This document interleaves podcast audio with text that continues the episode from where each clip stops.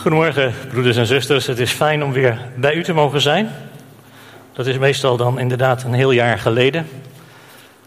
En er is veel gebeurd in dat jaar. En veel houdt ons bezig. We hebben gehoord van de overstromingen en het huis dat wel of niet op een fundament staat. En we hebben de pandemie. En velen van ons denken na over wat deze dingen betekenen. Denken na over de toekomst. En interessant genoeg is de gemeente van Jezus Christus daar niet altijd vanuit een gezond perspectief mee bezig. En ik zou vandaag met ons uit uh, drie korte gedeelten uit de openbaring aan Johannes willen nadenken over uh, een gezond, een bevrijdend perspectief. Ik lees voor uit de openbaring aan Johannes hoofdstuk 1, de eerste negen versen. Of de eerste tien. Openbaring van Jezus Christus, welke God hem gegeven heeft om zijn dienstknechten te tonen, hetgeen weldra moet geschieden. En welke hij door de zending van zijn engel aan zijn dienstknecht Johannes heeft te kennen gegeven. Deze heeft van het woord Gods getuigd en het, van het getuigenis van Jezus Christus alles wat hij gezien heeft. Zalig hij die voorleest en zij die horen de woorden van de profetie en bewaren wat daarin geschreven staat, want de tijd is nabij. Johannes aan de zeven gemeenten in Azië, genade zij u en vrede van hem die is en die was en die komt, en van de zeven geesten die voor zijn troon zijn.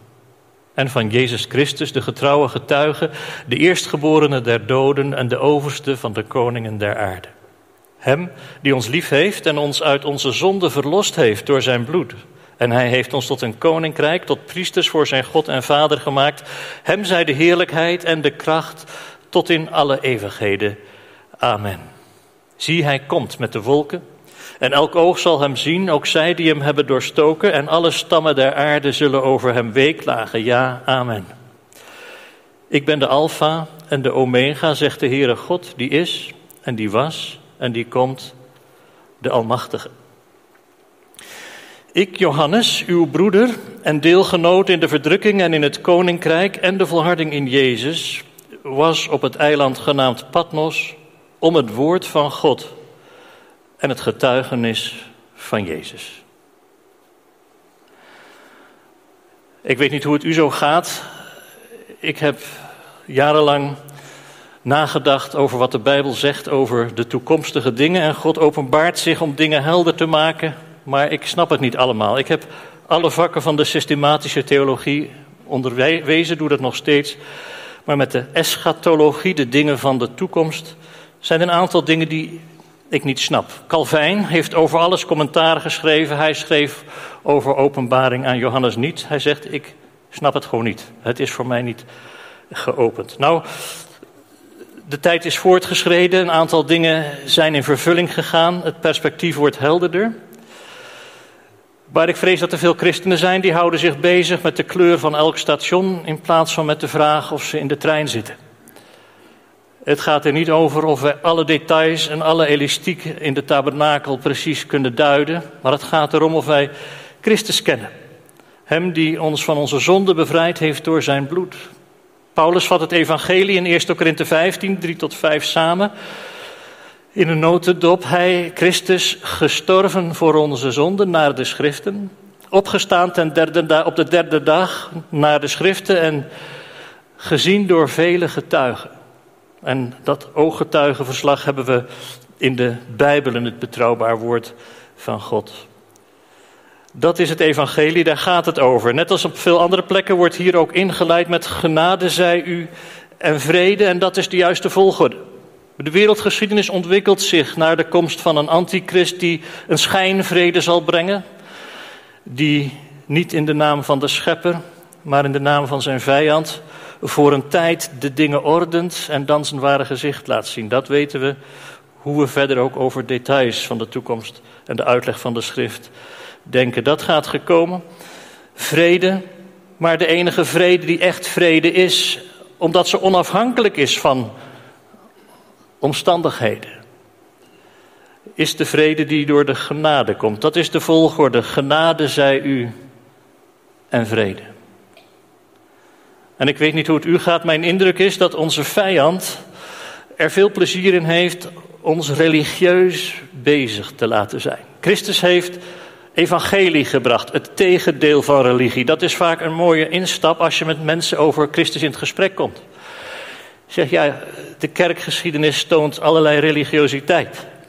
En wij ook in vrije gemeenten neigen daartoe omdat de mens van nature religieus is. Maar Christus maakt ons vrij van onze eigen inspanningen. Maakt ons vrij van alles waarin we ons veilig en zeker voelen omdat wij het goed doen. Hij zegt je, je krijgt het niet voor elkaar. Maar ik ruim je scherven op. Ik sterf in jouw plaats.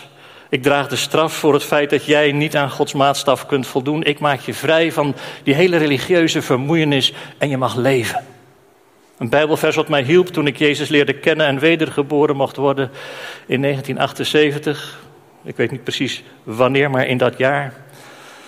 Was Johannes 10, waar Jezus zegt dat de schapen bij hem ingang en uitgang hebben, weide vinden. Dat je gewoon schaap mag zijn. Binnen als het regent, buiten om te spelen, proberen door het hek te ontsnappen. En de herder breekt soms je been zodat je weer op de goede plek blijft. Jezus maakt ons vrij van die religiositeit. Hij bevrijdt ons van onze zonde door zijn bloed, evangelie, genade en daardoor vrede. En hij zal terugkomen, staat hier, en dan zal iedereen het zien. Het zal duidelijk worden wie aan de goede kant stond, ook als het onderweg maatschappelijk er anders uitzag. En dan staat hier dat hem de heerlijkheid en de kracht tot in alle eeuwigheid zij. Daar komen we straks op terug. En dan stelt Johannes zich voor. En Johannes is natuurlijk een bijzondere meneer. Hij is de laatst overlevende apostel, waarschijnlijk de enige die niet als martelaar gestorven is. Je krijgt de indruk in de evangelie dat hij op menselijk niveau een bijzondere relatie met Jezus heeft. Uh, en dat hij ook in zijn evangelie, wat hij met een woordenschat van een zevenjarig kind schrijft. Hè? Lucas is prachtig Grieks. Maar Johannes schrijft met een heel eenvoudige woordenschat en geeft heel diep inzicht in het wezen van Christus.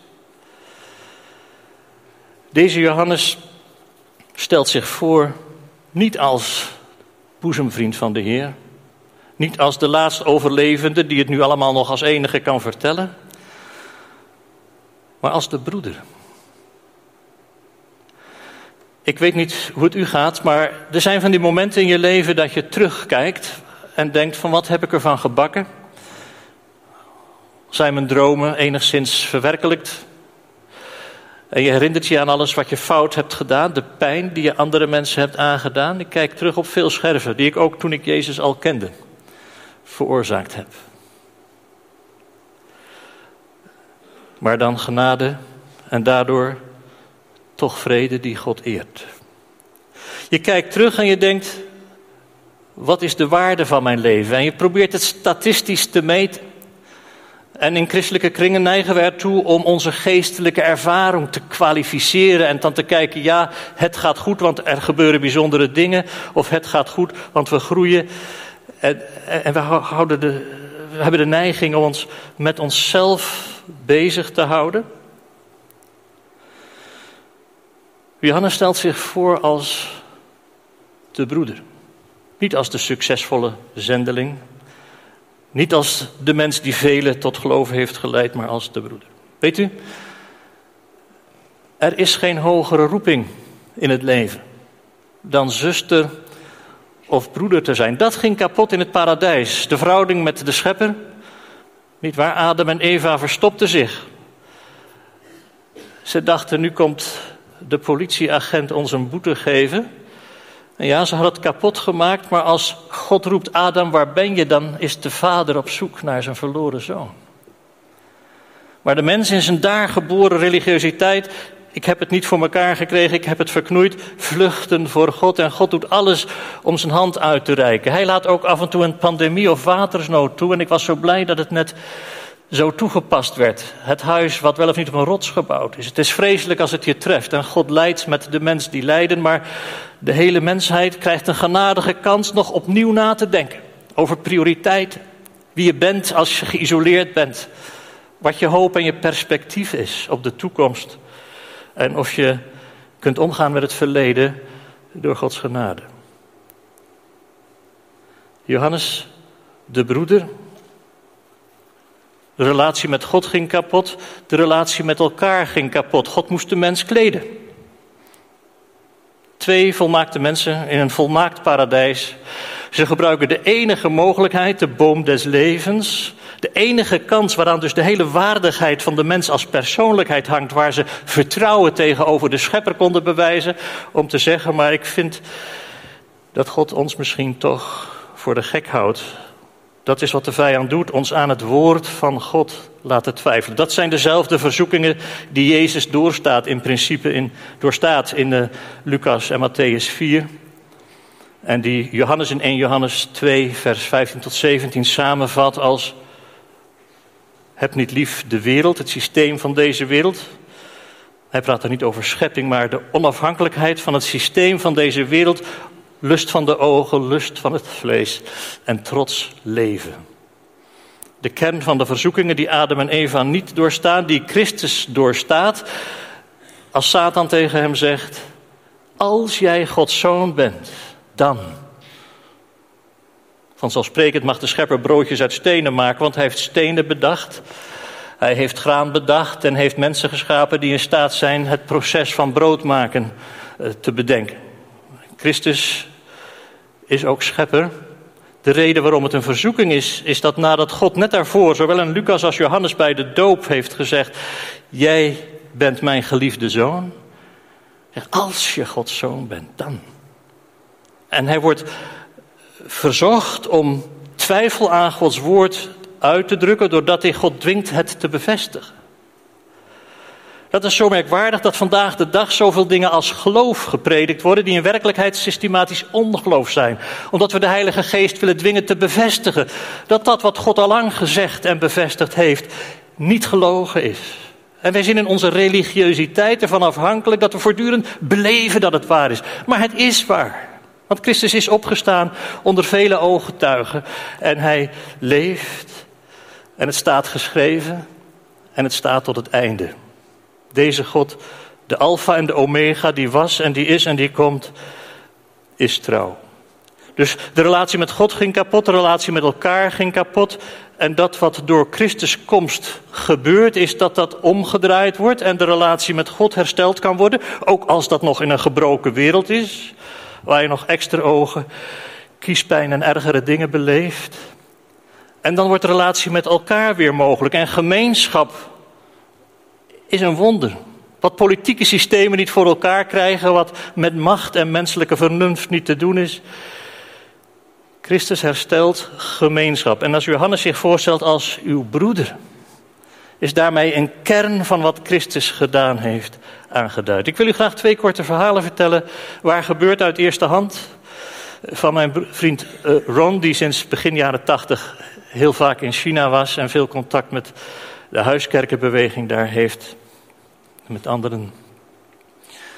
En hij vertelde twee verhalen. En daarbij moest ik denken aan wat in de handelingen der apostelen staat over Barnabas. Er staat heel weinig. Maar wat er bijvoorbeeld staat is in hoofdstuk 9, nadat Paulus een ontmoeting heeft met Christus. En Christus zijn ogen opent in zijn blindheid van drie dagen voor wie hij is. Christus die jij vervolgt. Dan uh, komt Paulus tot geloof, wordt een nieuw mens en gaat die Christus verkondigen die hij tot op dat moment vervolgde door zijn volgelingen te vervolgen.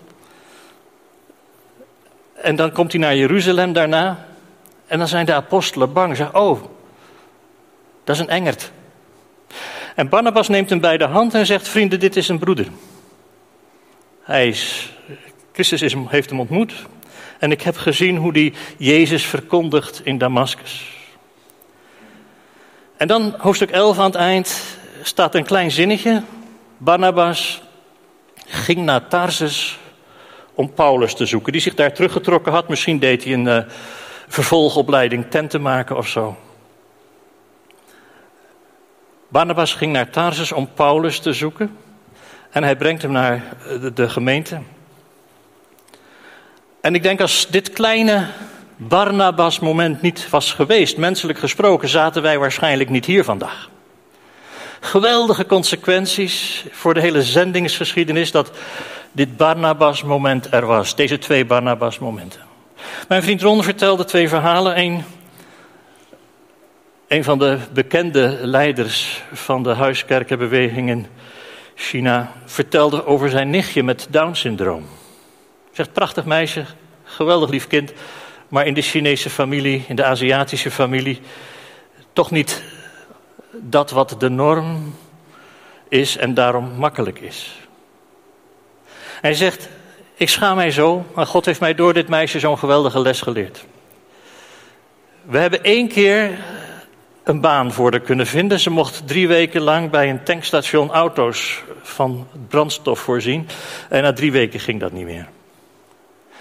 Ze zegt, en twee jaar later vertelde ze me een keer bij een gelegenheid, toen dat getriggerd werd door iets wat ze zag, dat ze daar bij het tankstation was en er kwam zo'n grote limousine met open ramen, vier heren in zwart pak. Wij zijn van de politie volgooien. Van de politie, dus er wordt niet betaald, er is ook geen bonnetje. En dan hoort ze, terwijl ze begint, de heren praten door het open raam van die auto. En ze praten over haar oom. En ze gaan naar die oom toe en ze willen hem kwaad doen. En zij checkt, dat is niet goed. En ze heeft de tegenwoordigheid van geest om te doen alsof ze benzine in die auto stopt. Maar ze houdt dat ding gewoon zo lang vast zonder dat er benzine uitkomt. Als ze het normaal ongeveer doet, dan hangt het weer op. En die heren rijden weg en blijven halverwege steken en komen nooit bij de oom aan.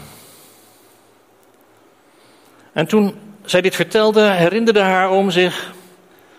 En hij zegt: Dat, dat moet die dag geweest zijn. En dat gebeurde alle vijftien jaar één keer. Dat alle leiders van de grote huiskerkenbeweging in dat deel van het land bij elkaar waren. In mijn huis. En dit Barnabas-moment van dit geweldige mensenkind dat God ons gegeven heeft, heeft de hele kerkbeweging als het ware ervoor bewaard een decennium terug achteruit geworpen te worden. Heeft levens gered. Een Barnabas moment, ook in jouw leven, als jij erover nadenkt, wat beteken ik überhaupt? Wat ben ik waard? Het is niet belangrijk wat mensen zien, het is ook niet belangrijk wat jij zelf daarbij voelt. Het is prettiger om je prettig te voelen, maar het zegt niks over de realiteit. De waarde van jouw leven is dat wat God naar zijn belofte doet. Hij heeft je gemaakt. Hij heeft je vrijgekocht. Hij is in jouw leven tot zegen voor anderen en hij zal je niet altijd laten weten wanneer die zegen ontstaat. En de leider van de kerk zei: Dit, is, uh, dit was zo'n les voor mij. En ik heb vanaf dat moment niet alleen mijn nichtje, maar alle mensen anders gezien, omdat ik de waarde van God en hoe God een mens gebruikt, niet meer begon te meten aan hoe ik het waarneem vanuit mijn standaard, vanuit mijn maatschappelijke waarneming. Hij Ron vertelde van een andere ontmoeting. Tijdens de Olympische Spelen in Beijing werden alle huiskerken in de omgeving van die stadions gesloten en één pastor had zich had geweigerd dat te doen. En hij uh, wordt door twee heren ook in zwart pak opgehaald. Naar een gevangenis een eind weggebracht. En uh, in elkaar geslagen tot, die, tot het licht uitgaat. Hij vertelde, ik herinner me dat een paar ribben braken, dat mijn tanden eruit vlogen en toen ging het licht uit. Hij zegt, ik kwam weer tot mezelf in een witte kamer, in een wit bed. En ik dacht, ik ben waarschijnlijk in de hemel. En toen zag hij aan het voeteneind die twee geheimagenten staan. En hij dacht, dus waarschijnlijk toch niet de hemel. En die heren begonnen hun verontschuldigingen aan te bieden. Zeiden, wat spijt ons vreselijk dat ze ons gisteren een beetje lieten meenemen. En hij zegt, ja, waarom zeggen jullie dat? En hij zegt, vanwege hem. En er komt een zeer belangrijk meneer binnen. En die vraagt aan de broeder, bent u een christen? En hij zegt, ja, ik ben christen. En de broeder hoort tot zijn verbijstering deze, of blijkbaar heel belangrijke meneer zeggen: China heeft christenen nodig. Hij is heel verbaasd en de man zegt: Ik zal het u uitleggen. Hij zegt: Ik heb in Engeland gestudeerd. En in de jaren dat ik daar was, ben ik nooit door een Engels persoon uitgenodigd. De laatste drie weken van mijn jaren daar heb ik eens een christelijke kerk bezocht. Ik wilde dus weten hoe dat nou was. Ik zei me niks. Maar er was een ouder echtpaar. Die namen mij die zondag mee naar huis voor het middageten. Die hebben me als een vorst behandeld, als hun zoon behandeld. Ze gaven me een Chinese Bijbel. Hij zegt: Ik heb hem van A tot Z gelezen, ik kan er helemaal niks mee beginnen. Maar ook de volgende twee zondagen hebben deze mensen me meegenomen. En mij behandeld alsof ik een zoon was. En ik heb tegen mezelf gezegd: Ik snap niet wat deze mensen geloven, maar als christenen zo zijn, dan heeft mijn land christenen nodig. En Ron kende die gemeente waar hij over sprak, die plek, welke gemeente dat was. Hij ging daarheen en ging op zoek naar deze mensen, maar die waren gestorven. En er was nog een oudere vriend van hun, die kende ze en die nam me mee voor de koffie. En hij zegt, uh, kunt u wat over ze vertellen? Hij zegt, ja, dat, is eigenlijk een treurig verhaal. Ze, ze wilden de zending ingaan, maar de gezondheid van de man liet het niet toe. En God gaf ze een dochtertje, maar dat stierf toen het elf jaar oud was. En toen zij zelf stierven, hadden ze het idee dat hun leven voor God niet veel opgebracht had en voor andere mensen ook niet. Hij zegt maar, Ron zegt, vertelde toen het verhaal wat hij net gehoord had. Een Barnabas moment waarin God het trouwe getuigenis van twee mensen die naar maatschappelijke maatschap en naar hun eigen religieus-christelijke beoordeling van hun eigen leven dachten, waardeloos, dromen niet vervuld, niet in de zending geweest en of ze in de zending waren. God heeft hun gebruikt door een Barnabas moment van trouw, wat ze zelf heel vanzelfsprekend vonden en niet in de gaten hadden. Een voorganger het leven te redden, een Chinese ambtenaar op hoog niveau. Hij was de inspecteur van het gevangeniswezen in die provincie. En hij was onverwacht op bezoek gekomen en had het schreeuwen van hem gehoord op het moment dat het licht uitging. Die man had door het getuigenis van dit echtpaar, dat in hun eigen ogen geen zinvol leven had geleid, gebruikt om niet alleen deze broeder te redden, maar ook zijn gemeente te zegenen en veel christenen te bemoedigen. Weet je, ons leven wordt niet gemeten aan wat de maatschappij ervan zegt en wat jij ervan voelt. Het is fijn als je dromen hebt om erachteraan te gaan. Maar Christus heeft op Golgotha bewezen dat wat er ook gebeurt. Wij zijn in zijn hand. En het enige wat de kwaliteit van ons leven bepaalt is dat God trouw is. En deze God kennen we uit zijn betrouwbaar woord. En we mogen elkaar onderweg bemoedigen dit zicht op God te houden, dit bevrijdende perspectief. En dan zegt eh, Johannes het volgende: Hij zegt: Ik, uw broeder, en deelgenoot in de verdrukking en in het koninkrijk. Nou, dat is ook iets wat niet populair is. Koninkrijk is prettig. Er wordt veel geneuzeld in de christelijke scene dat wij de macht van Christus uitoefenen en dat soort onzin. Christus oefent zijn macht uit en daarbij bidden wij dat we niet te veel in de weg lopen. Hij wil ons gebruiken. Hij geeft ons geloof dat hij door ons heen werkt. Maar je hebt geen koninkrijk zonder verdrukking. De mate waarin wij geen verdrukking beleven, betekent een bijzondere uitzondering in de wereldgeschiedenis. En het kan ook betekenen dat we in werkelijkheid de vijand niet te zeer kietelen met ons bezig zijn met onszelf. Ik praat niet over jullie, ik praat over mij.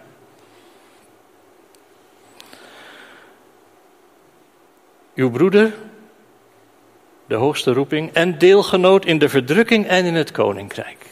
De heerschappij van God in een wereld die door de zonde kapot ging, wordt tot stand gebracht door het lijden van Christus. En zij die met Christus geïdentificeerd zijn, lijden ook aan de weerstand van Satan en het systeem van deze wereld tegen hem die het hart veranderen wil. En die Gods claim op ons leven helder maakt.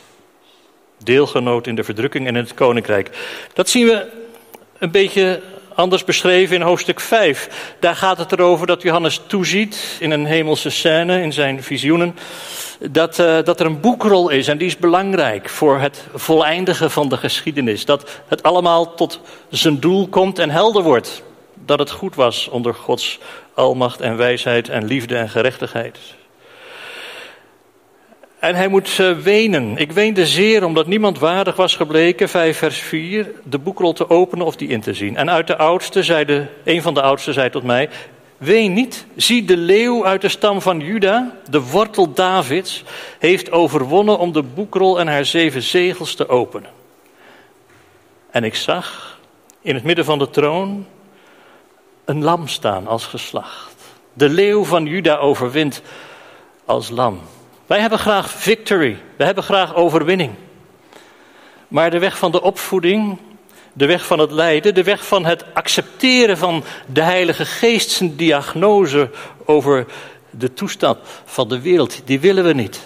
En als er dan in pandemieën en dat soort omstandigheden diagnoses duidelijk worden en mensen opgeroepen worden hun leven nieuw te overdenken en terug te keren tot de schepper, dan doen wij daar moeilijk over. En wij christenen zeuren over beperking van godsdienstvrijheid als we even niet mogen zinnen. We hebben geen idee van vervolging.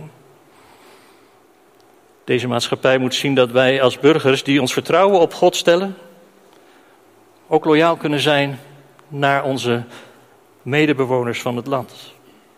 Maar het gaat niet over deze vragen. Dat zijn wel dingen die ons afleiden van Christus en van het bevrijdend perspectief. Weet je wat er in hoofdstuk 21 staat? Aan het begin hebben we gezien eer en heerlijkheid voor God. Aan het begin van het boek Openbaringen, waarin dan de wereldgeschiedenis tot zijn doel komt. En dan staat er in het nieuwe Jeruzalem, vers 24, haar lamp is het lam en de volken zullen bij haar licht wandelen en de koningen der aarde brengen hun heerlijkheid in haar. En vers 26, en de heerlijkheid en de eer der volken zullen in haar gebracht worden. Dat is de plek waar dan zij zijn die nu lijden om Jezus wil. Zij die vervolgd worden, die in de gevangenissen zitten, afschuim voor het politiek systeem. Zij die aan de kant van de verliezers lijken te zitten. Omdat ze vasthouden aan de trouw en de liefde van de Schepper en het evangelie dat onze zonde aan de kaak stelt en de enige oplossing biedt. Dat is wat de Heilige Geest doet volgens Jezus, Johannes 14 tot 16. Hij zal overtuigen van zonde, gerechtigheid en oordeel en mij verheerlijken als oplossing voor het echte probleem. De volken en hun heersers zullen hun heerlijkheid daarheen brengen waar dan zij zijn naar Gods belofte met Christus op zijn troon die nu hun leven lijken weg te gooien in zinloosheid en waardeloosheid, in het niet vervullen van menselijke dromen van betekenis en zin. Broeders, dat is ons perspectief. Ik hoop dat u regelmatig tijd neemt voor vervolgde gemeenten te bidden. Voor christenen die lijden, christenen in de gevangenis. De COVID-tijd is voor onze broeders en zusters Bangladesh en Indië duizend keer erger, omdat ze niet alleen geen middelen hebben, maar ook omdat ze in de bestaande haat tegen Christus en zijn navolgers ook schuldig verklaard worden, ook in sociale media, desinformatiecampagnes, nog, eh, ongelooflijk, aan de pandemie. Christenen hebben het ontzettend zwaar in veel landen en wij hebben daar nauwelijks zicht op. Maar wij bidden voor hen en wij bidden voor hen die in Noord-Koreaanse strafkampen zitten. En wij bidden Natuurlijk, Heer, wilt u hun lijden verlichten. Maar wij bidden ook, Heer, wilt u ze helpen dit bevrijdende perspectief vast te houden. Ik zit niet hier omdat mijn buurman me verlinkt heeft.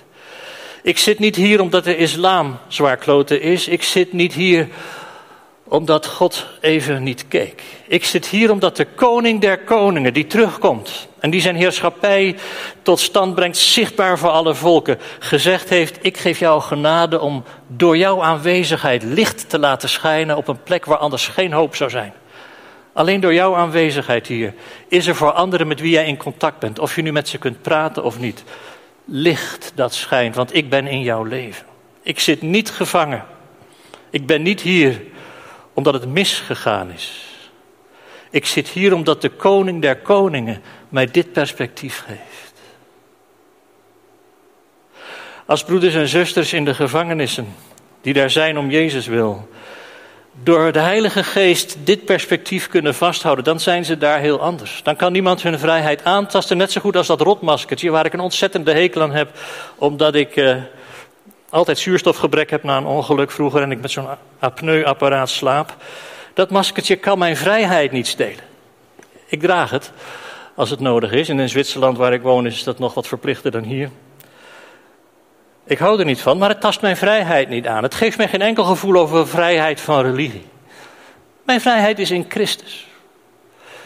Maar als ik dat met dit stomme dingetje niet oefen, hoe wil ik dan bidden voor mensen in gevangenissen? Zeggen van, oh heer, wilt u ze maar helpen? En ik heb zo'n hekel aan dit rotmasker. Wij zijn zo bezig met bijzaken. Je mag er best wat van vinden, je moet erover praten, het houdt ons bezig, het beïnvloedt ons leven.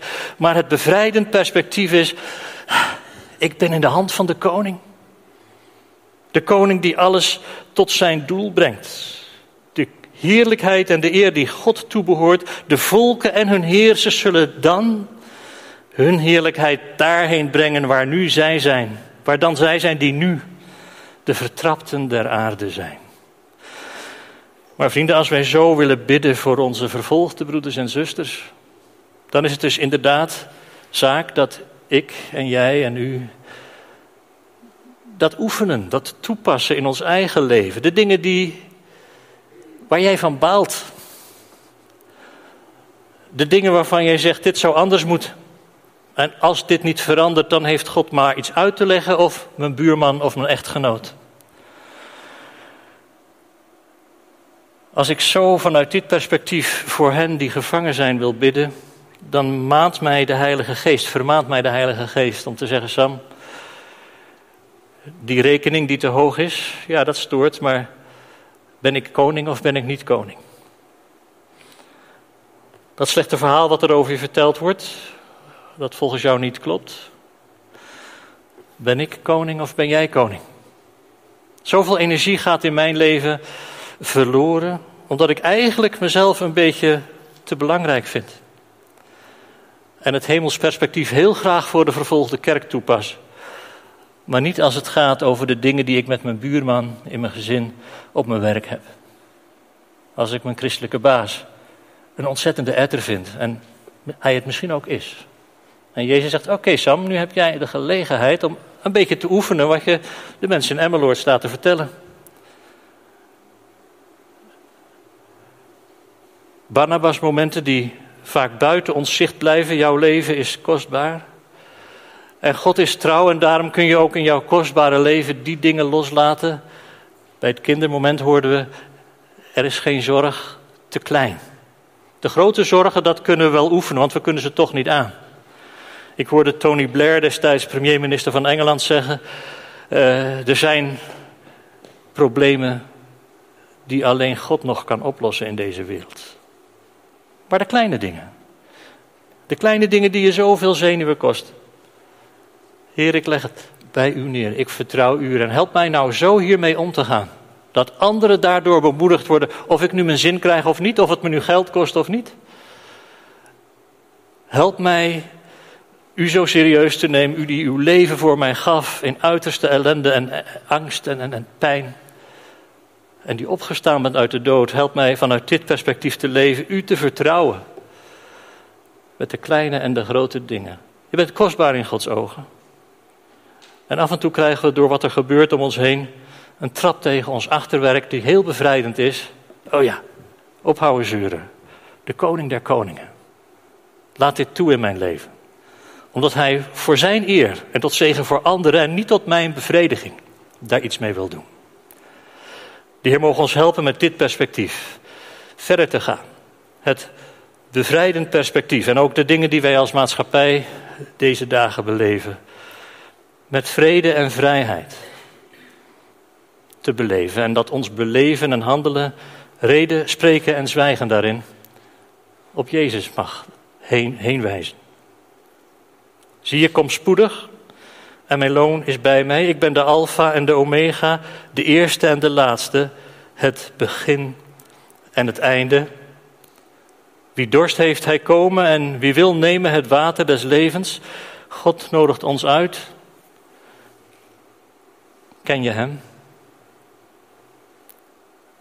Heb je dit perspectief omdat je weet dat jouw zonden vergeven zijn en het niet meer om jou gaat? Laten we samen bidden. Vader in de hemel, ik wil u danken voor uw genade. Uw liefde waarmee u ons opvoedt, ook als dat soms pijn doet. En voor uw handelen in levens van mensen die daar geen enkele vreugde van hebben gezien. En u heeft het gebruikt om miljoenen anderen zegen en vertrouwen te geven. Ik prijs u voor dat moment waarop staat in de openbaringen dat het geheimenis van God openbaar wordt. En we met z'n allen zullen snappen hoe zinloos het was om aan u te twijfelen en elkaar aan te staren en verantwoordelijk te maken voor wat ons niet schikt. Ik dank u voor uw trouw. En vader, ik wil u vragen, helpt u mij in de dingen van mijn leven, de kleine en de grote aspecten, los te laten, zo te vertrouwen. Helpt ons elkaar in dit perspectief te ontmoeten, zodat we elkaar bemoedigen in de dingen die zwaar zijn. Geeft ons een hart van Christus dat met uw gezindheid, Heer Jezus, helpt de noden van de anderen aan te voelen. En help ons met elkaar alle noden in uw hand los te laten. Wij prijzen uw naam. Wij danken u voor ons bevrijdend perspectief en dat we zo met vreugde in de komende week mogen gaan. Geef ons genade elkaar in dit perspectief te bemoedigen. Halleluja. Amen.